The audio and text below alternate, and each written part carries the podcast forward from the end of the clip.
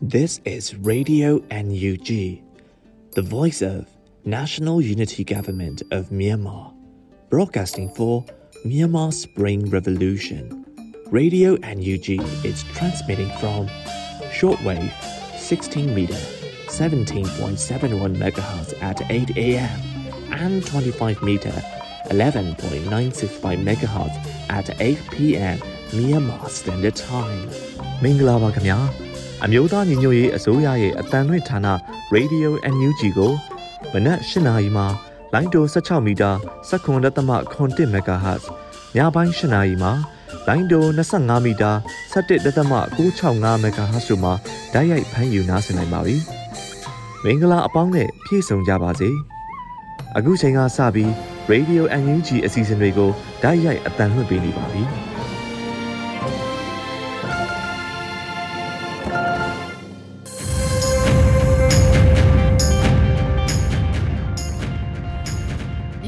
သူနိုင်ငံသားအပေါင်းတဘာဝပြီးဆရာနာရှင်ဘေးတို့ကနေကင်းဝေးပြီးကိုစိတ်နှပါစမ်းမလုံးခြုံပေးကင်းကြပါစေလို့ရေဒီယို UNG အဖွဲ့သားများကဆုတောင်းမေတ္တာပို့သလိုက်ရပါတယ်ရှင်။အခုချိန်ကစပြီးရေဒီယို UNG ရဲ့နောက်ဆုံးရသတင်းကြေးများကိုຫນွေဦးနှင်းစီကတင်ဆက်ပေးပါမယ်ရှင်။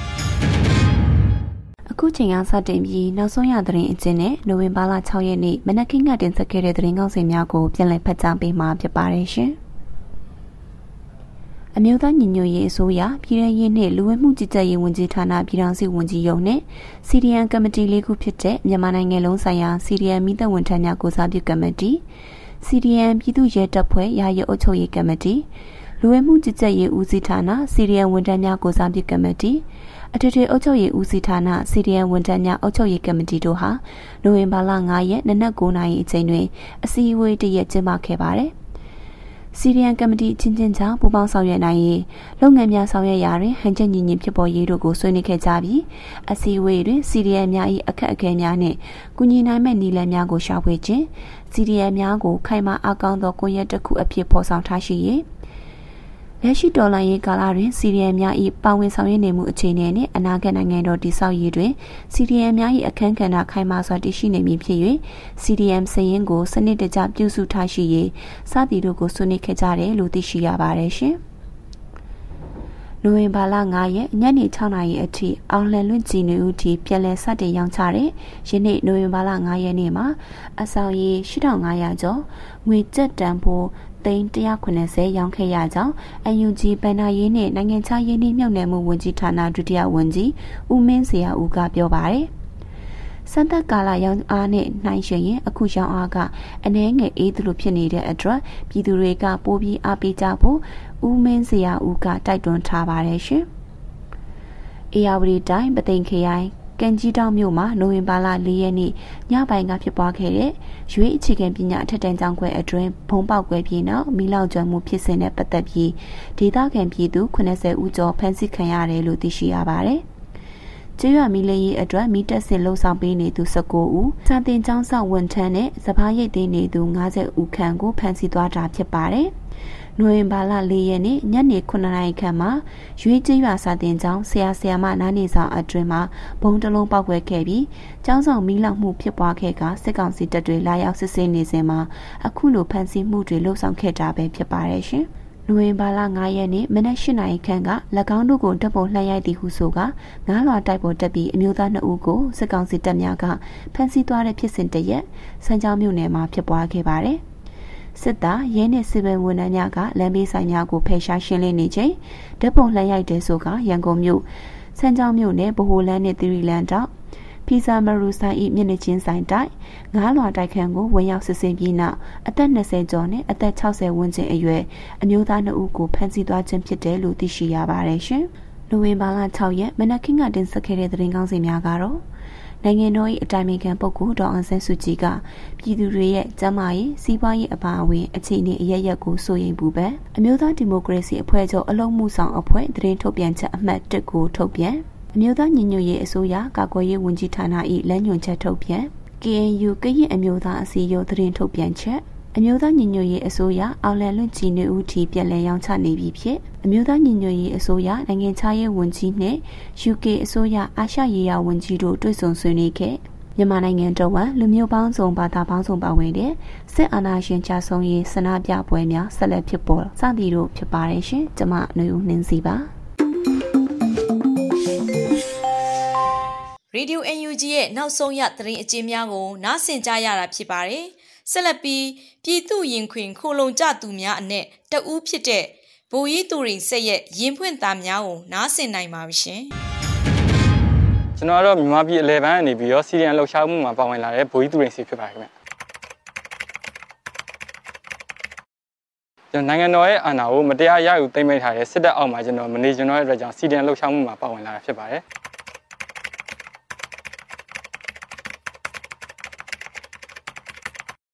ပြည်သူတွေကတော့စီရီယန်စစ်သားတွေပေါ်မှာကျွန်တော်တို့ရေုံကြည်ကြီးလေးလေးစားစားနဲ့ကိုနွေ့နွေ့ထွေးနဲ့ကိုကြိုဆိုကြတာရှိပါတယ်ခင်ဗျကျွန်တော်လိုအပ်တာတွေကိုလည်းသူတို့တက်နိုင်သမျှဖြည့်ဆည်းပေးကြရပါတယ်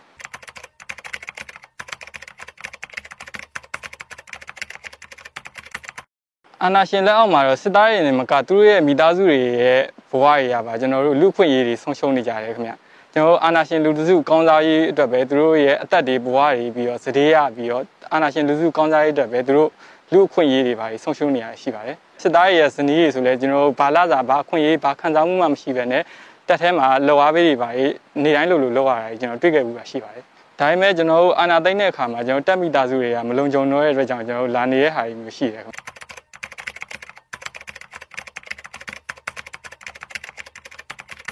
စစ်တပ်ကပြည်သူတွေကိုရန်သူပေါ်ကျင့်ကြံနေတာကတော့သူတို့ရဲ့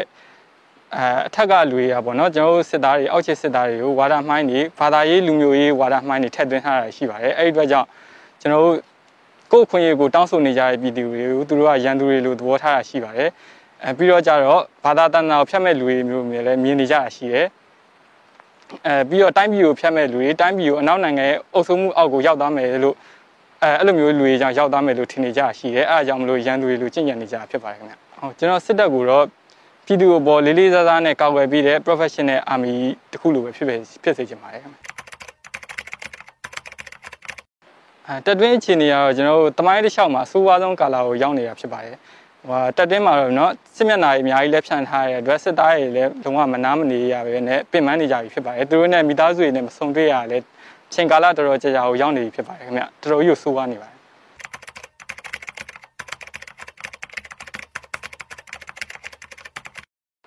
နော်အခုမှထူထောင်ကစားတက်မတော်တစ်ခုအနေနဲ့ကြည့်မယ်ဆိုရင်တော့တော်တော်လေးကိုအားရစရာကောင်းပါတယ်ခင်ဗျကျွန်တော်တက်ထဲမှာကြံခဲ့တဲ့လူတွေကိုရနိုင်တဲ့လောက်ဒီအပြင်ကိုထွက်လာဖို့အတွက်ကိုစီးရုံးမယ်ခင်ဗျ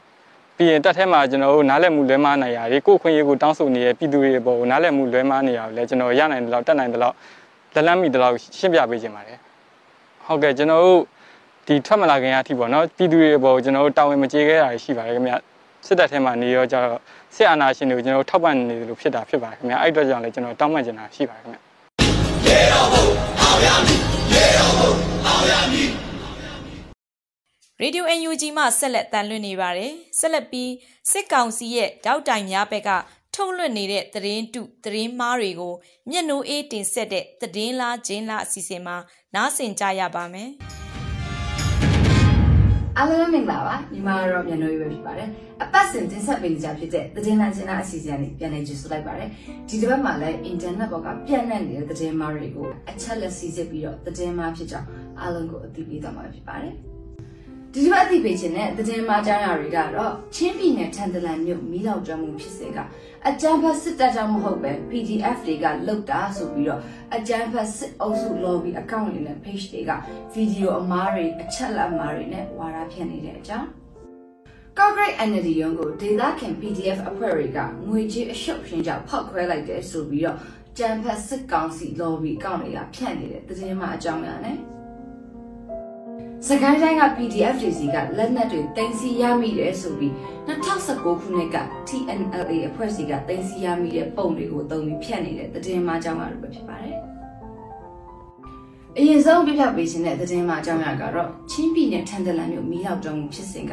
အကြမ်းဖက်စစ်တပ်ကြောင့်မဟုတ်ပဲ PDF အဖွဲ့တွေကမီးရှို့တာကြောင့်ဖြစ်တယ်ဆိုပြီးတော့အကြမ်းဖက်စစ်အုပ်စု lobby account တွေက page တွေ group တွေနဲ့ Telegram channel တွေမှာဖြန့်နေတဲ့သတင်းမှအကြောင်းအရာပဲဖြစ်ပါတယ်။ အဲ့ဒီသတင်းမှာကိုဟန်ငင်းဦးဆိုတဲ့အကြမ်းဖက်စစ် lobby စာမျက်နှာကနေစတင်ဖြန့်ဝေခဲ့တာဖြစ်ပြီးတော့တခြားစစ် lobby စာမျက်နှာတွေနဲ့ group တွေမှာလည်းမတူညီတဲ့အကြောင်းပြချက်မျိုးစုံနဲ့ထန်တလန်မြို့မီးလောက်ကျွမ်းတာက PDF တွေရှို့တာဆိုပြီးတော့ဝါရဖြန့်ချီနေကြတာပဲဖြစ်ပါတယ်။ ဟန်နျူးဆိုတဲ့အကောင့်ကတင်ခဲ့တဲ့သတင်းအမှားမှာသုံးခဲ့တဲ့ပုံတွေကို reverse image search တွေနဲ့ internet ပေါ်မှာအချက်လက်စစ်ဆေးကြည့်လိုက်တဲ့အခါမှာတော့အဲ့ဒီပုံတွေကလွန်ခဲ့တဲ့ September 18ရက်နေ့ကဖြစ်ပွားခဲ့တဲ့ဖြစ်စဉ်တစ်ခုရဲ့ဗီဒီယိုကပုံတွေပဲဖြစ်နေပါတယ်။အဲ့ဒီဗီဒီယိုကို screenshot ရယူပြီးပုံမှားရိုက်ပြီးသတင်းအမှားဖြတ်နေရပဲဖြစ်ပါတယ်။ အဲ့ဒီတော့ကဖြစ်စဉ်ကိုထန်တလန်ဒေသခံတအုပ်က Facebook မှာဓာတ်ရိုက်ထုတ်လွှင့်ခဲ့တာပဲဖြစ်ပါတယ်။နောက်ထပ်မတူညီတဲ့အကြောင်းအရာနဲ့ဖြန့်နေတဲ့သတင်းမှာတော့ချင်းပြည်နယ်ထန်တလန်ဒေသခံချင်းလူမျိုးတို့ဦးရဲ့ရင်ဖွင့်တန်းဆိုတဲ့ပုံစံနဲ့အကောင့်တူကနေ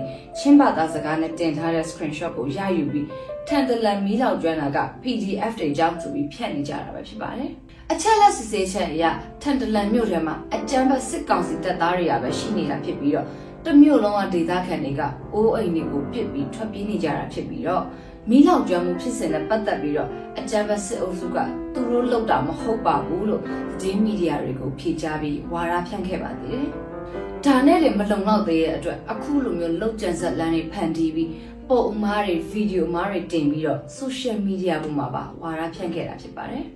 ဒီလိုမျိုးစစ်တပ်ကတိုင်းရင်းသားဒေသတွေမှာမိရှုခဲ့တဲ့ဖြစ်စဉ်တွေနဲ့ကင်းမရမိလောင်ကြမှုဖြစ်စဉ်တွေမှာဆိုရင်လည်းဘူးကွယ်ညင်းဆိုပြီးတော့ဒေသခံတော်လိုင်းရေးတပ်သားတွေကိုပဲလက်ညှိုးထိုးပြီးတော့လိမ်လည်ဝါဒဖြန့်ခဲ့တာတသေးရှိခဲ့ပါတယ်။ဒါကြောင့်ချင်းပြည်နယ်ထန်တလန်မြို့မီးလောင်ကျွမ်းမှုဖြစ်စဉ်ဟာ PDF အဖွဲ့တွေကလှုပ်သားဆိုပြီးတော့အကြမ်းဖက်စစ်အုပ်စု lobby အကောင့်တွေနဲ့ group တွေကဖြန့်နေကြတဲ့အကြောင်းအရာကသတင်းမှဖြစ်ကြောင်းအားလုံးကိုသိပေးချင်ပါတယ်။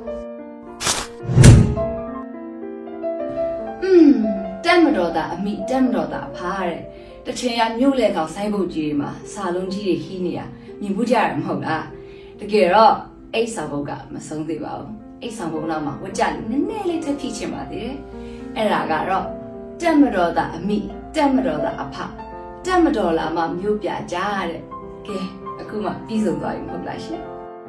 နောက်ထပ်အသိပေးရှင်တဲ့သတင်းမှအကြောင်းအရာကတော့ Corporate NLD ရုံးကိုဒေသခံ PDF အဖွဲ့တွေကငွေကြီးအရှုပ်ရှင်းကြောင့်ဖောက်ခွဲလိုက်တယ်ဆိုပြီးဖြန့်နေတဲ့သတင်းမှအကြောင်းအရာပဲဖြစ်ပါတယ်။အဲ့ဒီသတင်းမှကိုအကြမ်းဖက်စစ်အုပ်စု lobby အကောင့်တွေနဲ့ page တွေ group တွေကနေဖြန့်နေခဲ့တာဖြစ်ပြီးတော့ NLD ပါတီရုံးတွေကိုတိုက်ခိုက်ပုံခွဲမှုတွေဟာဒေသခံ PDF တွေကပြုလုပ်နေတာဖြစ်ကြောင်းနဲ့ငွေကြေးရှုပ်ရှင်တွေကြောင့်မကျေနပ်လို့လှုပ်ဆောင်လဲဆိုတဲ့ဇာတ်ကြောင်းကိုပုံဖော်ပြီးတော့သတင်းမှာဖြန့်နေရပဲဖြစ်ပါတယ်။အချက်လက်စီစစ်ချက်အရအကြမ်းဖက်စစ်ကောင်စီကအာဏာသိမ်းပြီးတဲ့နောက်ပိုင်းမှာအာဏာရပါတီဖြစ်တဲ့ NLD ပါတီရုံးတွေကိုချိတ်ပိတ်တာတွေနဲ့ဖျက်ဆီးတာတွေပြုလုပ်ခဲ့ပါသေးတယ်။မကြသေးခင်ကလည်းတဝယ်မန္တလေးစတဲ့မြို့တွေမှာရှိတဲ့ NLD တိုင်းရုံးတွေဟာဘုံခွဲတိုက်ခိုက်မှုကိုခံခဲ့ရပါတယ်။ အဲ့ဒီတိုက်ခိုက်ခံရတဲ့အချိန်တွေကလည်းညမထွက်ရအမိန့်ဖြစ်တဲ့ပုံမှန်တစ်လေးလေးထုတ်ပြန်ထားတဲ့အချိန်တွေမှာပဲဖြစ်ပါတယ်။ဒီဘုံခွဲတိုက်ခိုက်မှုကိုကျူးလွန်တဲ့သူတွေကတော့အခုချိန်ကြီးထွက်ပေါ်ခြင်းမရှိသေးပေမဲ့အကြမ်းဖက်စစ်အုပ်စုကိုထောက်ခံအားပေးနေတဲ့စစ် lobby အကောင့်တွေ page တွေနဲ့ group တွေကတော့ဒေသခံ PDF တွေကငွေကြေးအရှုပ်အရှင်းတွေကြောင့်လုပ်တယ်ဆိုတဲ့ဇာတ်ကြောင်းတွေကိုပုံဖော်ပြီးသတင်းမှာဖြန့်နေရပဲဖြစ်ပါတယ်။ ဒါကြောင့် corporate energy ရုံးကိုဒေတာခံ PDF အဖွဲ့တွေကငွေကြေးအရှုပ်အရှင်းကြောင့်ဖောက်ခွဲလိုက်တယ်ဆိုပြီးတော့အကြမ်းဖက်စစ်အုပ်စု lobby အကောင့်တွေကဖြန့်နေတဲ့အကြောင်းအရာတွေကသတင်းမှဖြစ်ကြောင်းအားလုံးကိုအသိပေးချင်ပါတယ်။စိန်ချက်ကပိန်ထွက်နေတဲ့ခေါင်းကြီးတို့ရေအာနန္နာနဲ့ပဲပြောလိုက်ပြရစီရှင် PDF တွေလက်ထဲကလက်နက်မှန်သမျှတခြားဘသူတော့မှအသုံးမပြုပါဘူး စစ်အာဏာရှင်တစိမ့်တက်မတော်မြေဩဇာတွေစံချိန်တင်ထွက်ရှိရဲ့အတွက်ပဲအသုံးပြုနေတာပါရှင်နောက်ဆုံးအနေနဲ့အသိပေးရှင်တဲ့သတင်းမှအကြောင်းအရာကတော့စကိုင်းလိုက် PDF တွေစီကလက်နက်တွေတင်စီမိတယ်ဆိုပြီးတော့ 2019က TNLA အဖွဲ့အစည်းကတင်စီမိတဲ့ပုံတွေကိုအသုံးပြုပြီးတော့ဖြတ်နေတဲ့သတင်းမှအကြောင်းအရာတွေပဲဖြစ်ပါတယ်။အဲ့ဒီသတင်းမှကိုစစ် lobby အကောင့်တွေကနေ group တွေကို live ဖြတ်နေတာဖြစ်ပြီးတော့စကိုင်းတိုင်းကအလူပါဆိုပြီးရေးသားဖြတ်နေကြတာပဲဖြစ်ပါတယ်။အချက်လက်စစ်ဆေးကြည့်လိုက်တဲ့အခါမှာတော့စကိုင်းမှာလက်နက်တွေတင်စီမိတယ်ဆိုတဲ့သတင်းကိုစိတ်ချယုံကြည်ရတဲ့သတင်းမီဒီယာဌာနတွေကဖော်ပြထားခြင်းမရှိသလိုဒေသခံ PDF တွေကထုတ်ပြန်ထားခြင်းမျိုးလည်းမရှိပါဘူး။ ပုံတွေကို reverse image search နဲ့အချက်လက်စစ်ဆေးကြည့်လိုက်တဲ့အခါမှာတော့2019ခုနှစ် November လ22ရက်တုန်းကရှမ်းပြည်နယ်မြောက်ပိုင်းကြောင်မဲခရိုင်ပလောင်ကိုပိုင်အုပ်ချုပ်ခွင့်ရဒေသနမ်ဆက်မြို့နယ်ဟိုမင်းကြီးရွာမှာ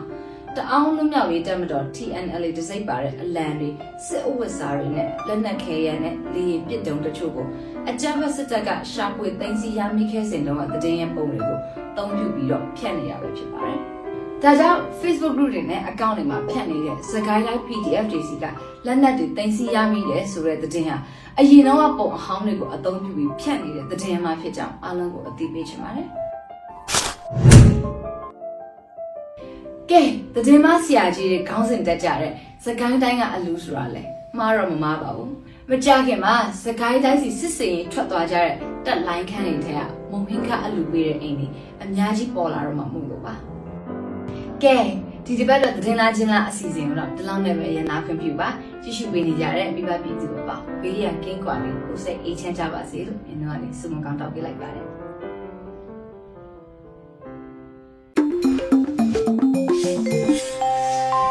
ရေဒီယို UNG မှဆက်လက်တန်လွှင့်နေပါတယ်။ယခုဆက်လက်ပြီး Radio UNG ရဲ့တော်လိုင်းရေးတေးဂီတအစီအစဉ်မှຫນွေဦးတိုက်ပွဲဆိုတဲ့တခြင်းကိုနားဆင်ရပါမယ်ရှင်။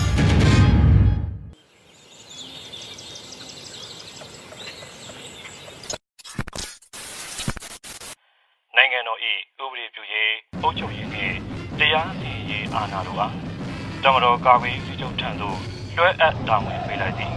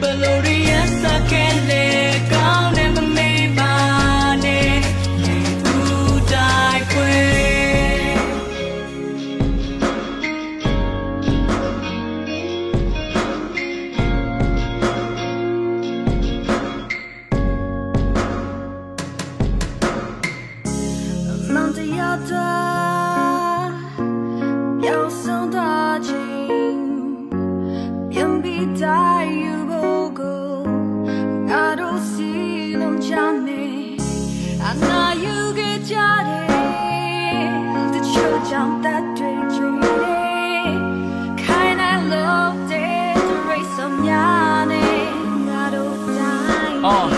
ကက်တွေလေးမဲ့ရောင်ဒီတွေတမ်းမဲ့မနှက်ပြန်တွက်ငါတို့တွေရှေ့ဆက်နောက်ပြန်ပလင်လူငယ်တိုင်းနာကတဲ့ဆက်ရတွက်မဟုတ်မမှန်တဲ့တည်မတွေကရှင်တွေကမှရုပ်ကိုဖျက်ချက်ခက်တယ်တိုက်ပွဲမှာကျွေလွင်ခဲ့တဲ့ခြေတွေတိုင်းတော့တက်ပြဆက်မဲ့ဆိုရင်တော့မြတ်တို့ကသမိုင်းကြောင့်ဆင်လာရှုံးညံပြီးတာပါဘိုးချုပ်တွေကြီးပွားသွားတဲ့တိုင်းမီကတော့ဆုံးပြပြက်စီးသွားလက်နဲ့ကအာနာပြလို့ခွင့်မလို့ရမယ်မားရရှိတယ် February တရက်နေ့ကစကူဒီသွေးဆူရတဲ့လာတွေကြီးပဲအမရကုန်ပြီလေ လွေနေခဲ့တာနာကရှိတဆိုးနေရဲ့ဝန်တွေတွေတဲ့နေရီတိုင်းဆိုကပါပြပြီးအနာရှင်တိုင်းရဲ့နောက်ဆုံးလန်ကီဝါစတ်သိကဆမလာကအချိန်မတမတွေခဲ့တဲ့ပန်းပွင့်တိုင်းတွက်တွေးကြွေးတွေပြန်ဆက်ရ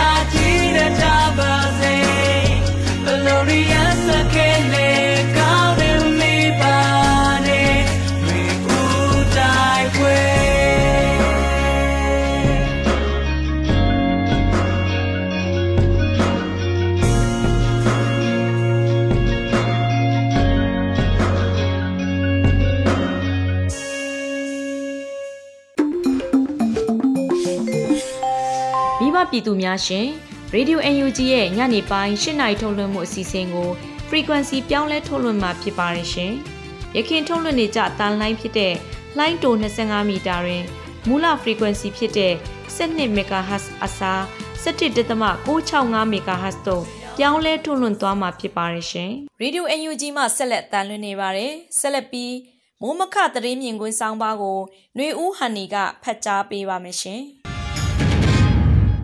ဒီရပိုင်းသတင်းတွေထဲမှာတော့မင်းတက်ကစစ်ကောင်စီရင်တန်းကိုကြားဖြတ်တိုက်ခိုက်တဲ့သတင်းကလေးမျိုးကိုပြန်ဆင်းလာတဲ့စစ်ကောင်စီရင်တန်းနတ်ချောင်းကျေးရွာဘက်မှာကြားဖြတ်တိုက်ခိုက်ခံရမှုတွေရှိပြီးကျေးရွာတွေကိုပြစ်ခတ်တာမိရှို့တာတွေလှုပ်ဆောင်နေတဲ့သတင်းမြောက်ရီမျိုးက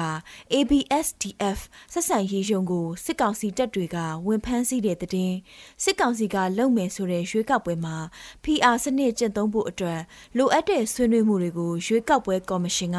နိုင်ငံနိုင်ငံရေးပါတီတွေဖိတ်ကြားပြီးလှုပ်ဆောင်နေတဲ့ဆိုတဲ့သတင်းစစ်ကောင်စီရဲ့လက်အောက်မှာစီးပွားရေးပိတ်ဆို့မှုတွေမတည်ငြိမ်မှုတွေကြောင့်စီးပွားရေးမျောလင့်ချက်တွေမေးမိတ်လာနေရပြီးနိုင်ငံခြားယင်းနှိမ့်နှံမှုတချို့ထွက်ခွာဖို့ဆုံးဖြတ်လိုက်ကြတဲ့သတင်းတွေ American လွှတ်တော်ကိုယ်စားလှယ်ဟောင်းနဲ့အုပ်ချုပ်ရေးမှူးဟောင်းဖြစ်သူအလွတ်တန်းတပ်တမန် Bill Richardson ရဲ့၃ရက်ကြာခီးစဉ်ပြီးဆုံးနိုင်ငံရေးနဲ့ဆိုင်တဲ့ထင်ရှားတဲ့ရလဒ်တွေတော့ထွက်ပေါ်လာတာမကြားရပေမဲ့ကိုဗစ်ကူညီရေးအတွက်တော့ပြောဆိုခဲ့ကြတယ်ဆိုတဲ့သတင်းတွေဖြစ်ပါတယ်။ချင်းတောင်ဖလန်းမြို့ကနေကလေးမြို့ကိုပြန်ဆင်းလာတဲ့စစ်ကောင်စီရင်တန်းတွေကိုကလေး PDF တွေကကြားဖြတ်တိုက်ခတ်မှုတွေရှိပြီးနောက်မှာအနီးအနားကရွာတွေကလေးမြို့နီးနားကရွာတွေကိုပြစ်ခတ်မှုတွေရှိပြီးဒဏ်ရာရတာတေဆုံးတာတွေရှိတယ်လို့သတင်းတွေဖော်ပြကြပါတယ်။ ပြီးခဲ့တဲ့သတင်းသုံးလေးပတ်ကလေးက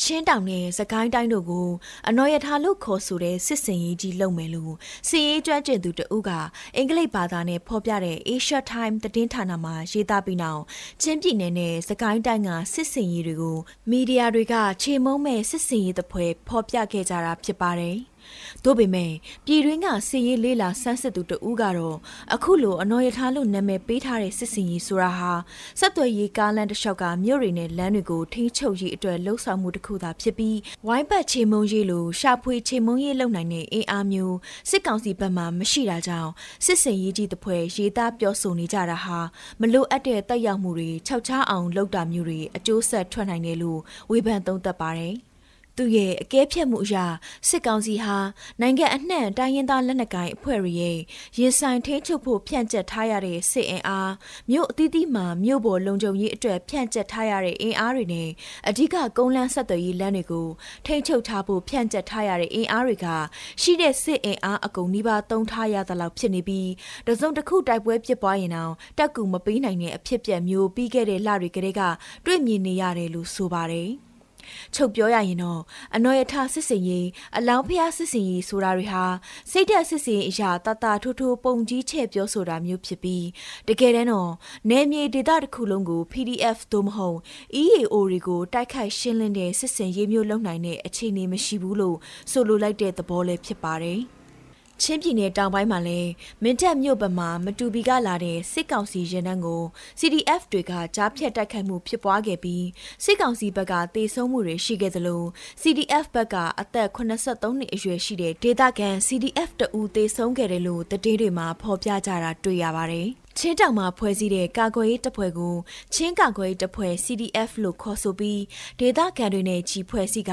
လူငယ်တွေသာမကဒေသခံတွေကအသက်အရွယ်ကြီးသူတွေပါသူတို့ရဲ့ဆန္ဒအရာပါဝင်တိုက်ခိုက်ကြတဲ့သဘောလေးဖြစ်ပါတယ်။ နောက်သတင်းတစ်ပုဒ်ကတော့ NCA လို့ခေါ်တဲ့နိုင်ငံလုံးဆိုင်ရာအပြစ်ရစာချုပ်မှာလက်မှတ်ထိုးထားတဲ့ ABSDF မြန်မာနိုင်ငံလုံးဆိုင်ရာចောင်းသားဒီမိုကရက်တစ်တပ်ဦးရဲ့မြောက်ရီဆက်ဆံရေးရုံးကိုစစ်ကောင်စီတပ်တွေကဝင်ရောက်ဖမ်းဆီးပြီးဆက်ဆံရေးရုံးကတာဝန်ပေးထားသူတွေကိုမြောက်ရီမျိုးကစစ်ကောင်စီတပ်ရင်းနဲ့ခေါ်သွားပြီးထိမ့်သိမ်းထားတယ်လို့ဆိုပါတယ်။ ABSDF အဖွဲ့အနေနဲ့ပြီးခဲ့တဲ့ November ၁ရက်နေ့အဖွဲ့တီထောင်တဲ့33နှစ်မြောက်နေ့ကြေညာချက်မှာ အာနာသိန်းစစ်ကောင်စီကိုအခြားသောအင်အားစုတွေနဲ့လက်တွဲတိုက်ခိုက်သွားမယ်ဆိုတဲ့ဖော်ပြချက်ကြောင့်အခုလိုလက်တုပ်ပြန်အရေးယူတာဖြစ်လိမ့်မယ်လို့ယူဆကြပါတယ်။အမှန်တကယ်တော့ ABSDF ဟာ NCA လက်မှတ်ရေးထိုးထားတဲ့အဖွဲ့ဆဲဘွဲ့တွေပါဝင်နေပြီးစစ်အာဏာသိမ်းပြီးနောက်ယခုလက်ရှိအချိန်ထိစစ်ကောင်စီနဲ့လက်နက်ကင်တိုက်ပွဲဖြစ်ပွားတာမရှိသေးပေမဲ့33နှစ်မြောက်ထုတ်ပြန်ချက်မှာလက်တွဲတိုက်ခိုက်မယ်လို့ကြေညာလိုက်တဲ့အပေါ်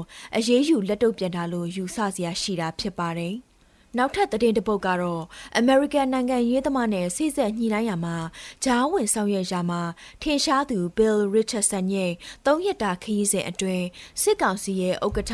မင်းအောင်လှိုင်နဲ့ November 2ရက်နေ့မှာတွေ့ဆုံခဲ့ပြီး COVID ရောဂါကာကွယ်ရေးဆိုင်ရာအကူအညီကိစ္စရပ်တွေဆွေးနွေးခဲ့တယ်လို့သတင်းတွေမှာဖော်ပြကြပါတယ်။ အမေရိကန်အစိုးရဘက်ကတော့ဒီခီးစဉ်ဟာအစိုးရနဲ့ဘာမှမပတ်သက်တဲ့အကြောင်းပြောဆိုထားပြီးတစ်ဖက်မှာလည်းဒီခီးစဉ်လာရောက်မဲ့အကြောင်းကိုကုလသမဂ္ဂအတွင်းရေးမှူးချုပ်ကအသိပေးခဲ့တယ်ဆိုပြီးသတင်းဖော်ပြချက်တွေအရာသိရပါတယ်။ American နိုင်ငံသားသတင်းအယ်ဒီတာ Danny Fenster ရဲ့လွတ်မြောက်ရေးကိစ္စတွေညှိနှိုင်းလိမ့်မယ်လို့ယူဆချက်တွေထွက်ပေါ်နေပေမဲ့ယခုအချိန်ထိတော့ဂျားဝင်ဖြည့်ရှင်တဲ့ရလဒ်တွေအကျိုးဆက်တွေထွက်ပေါ်လာတာမတွေ့ရသေးပါဘူး။ ဒီခရီးစဉ်ဟာအမေရိကန်အနေနဲ့စစ်ကောင်စီကိုတရဝင်အသိမှတ်မပြုဖို့တတိကြီးကြီးနဲ့လောက်ကင်နေတာကိုတွေ့ရပြီးတစ်ဖက်မှာလည်းနိုင်ငံရေးအကြက်တဲပြည်တွင်းစစ်မီးပိုးကြကြပြက်ပြက်တောက်လောင်လာနိုင်တဲ့မြမနိုင်ငံရေးအကြက်တဲကနေလက်တွေ့ကြတဲ့ထွက်ပေါက်နီးလန်းများရှိမလားဆိုတဲ့စူးစမ်းတာမျိုးလည်းဖြစ်ကောင်းဖြစ်ပါလိမ့်မယ်။ နောက်ဆုံးသတင်းတစ်ပုဒ်ကတော့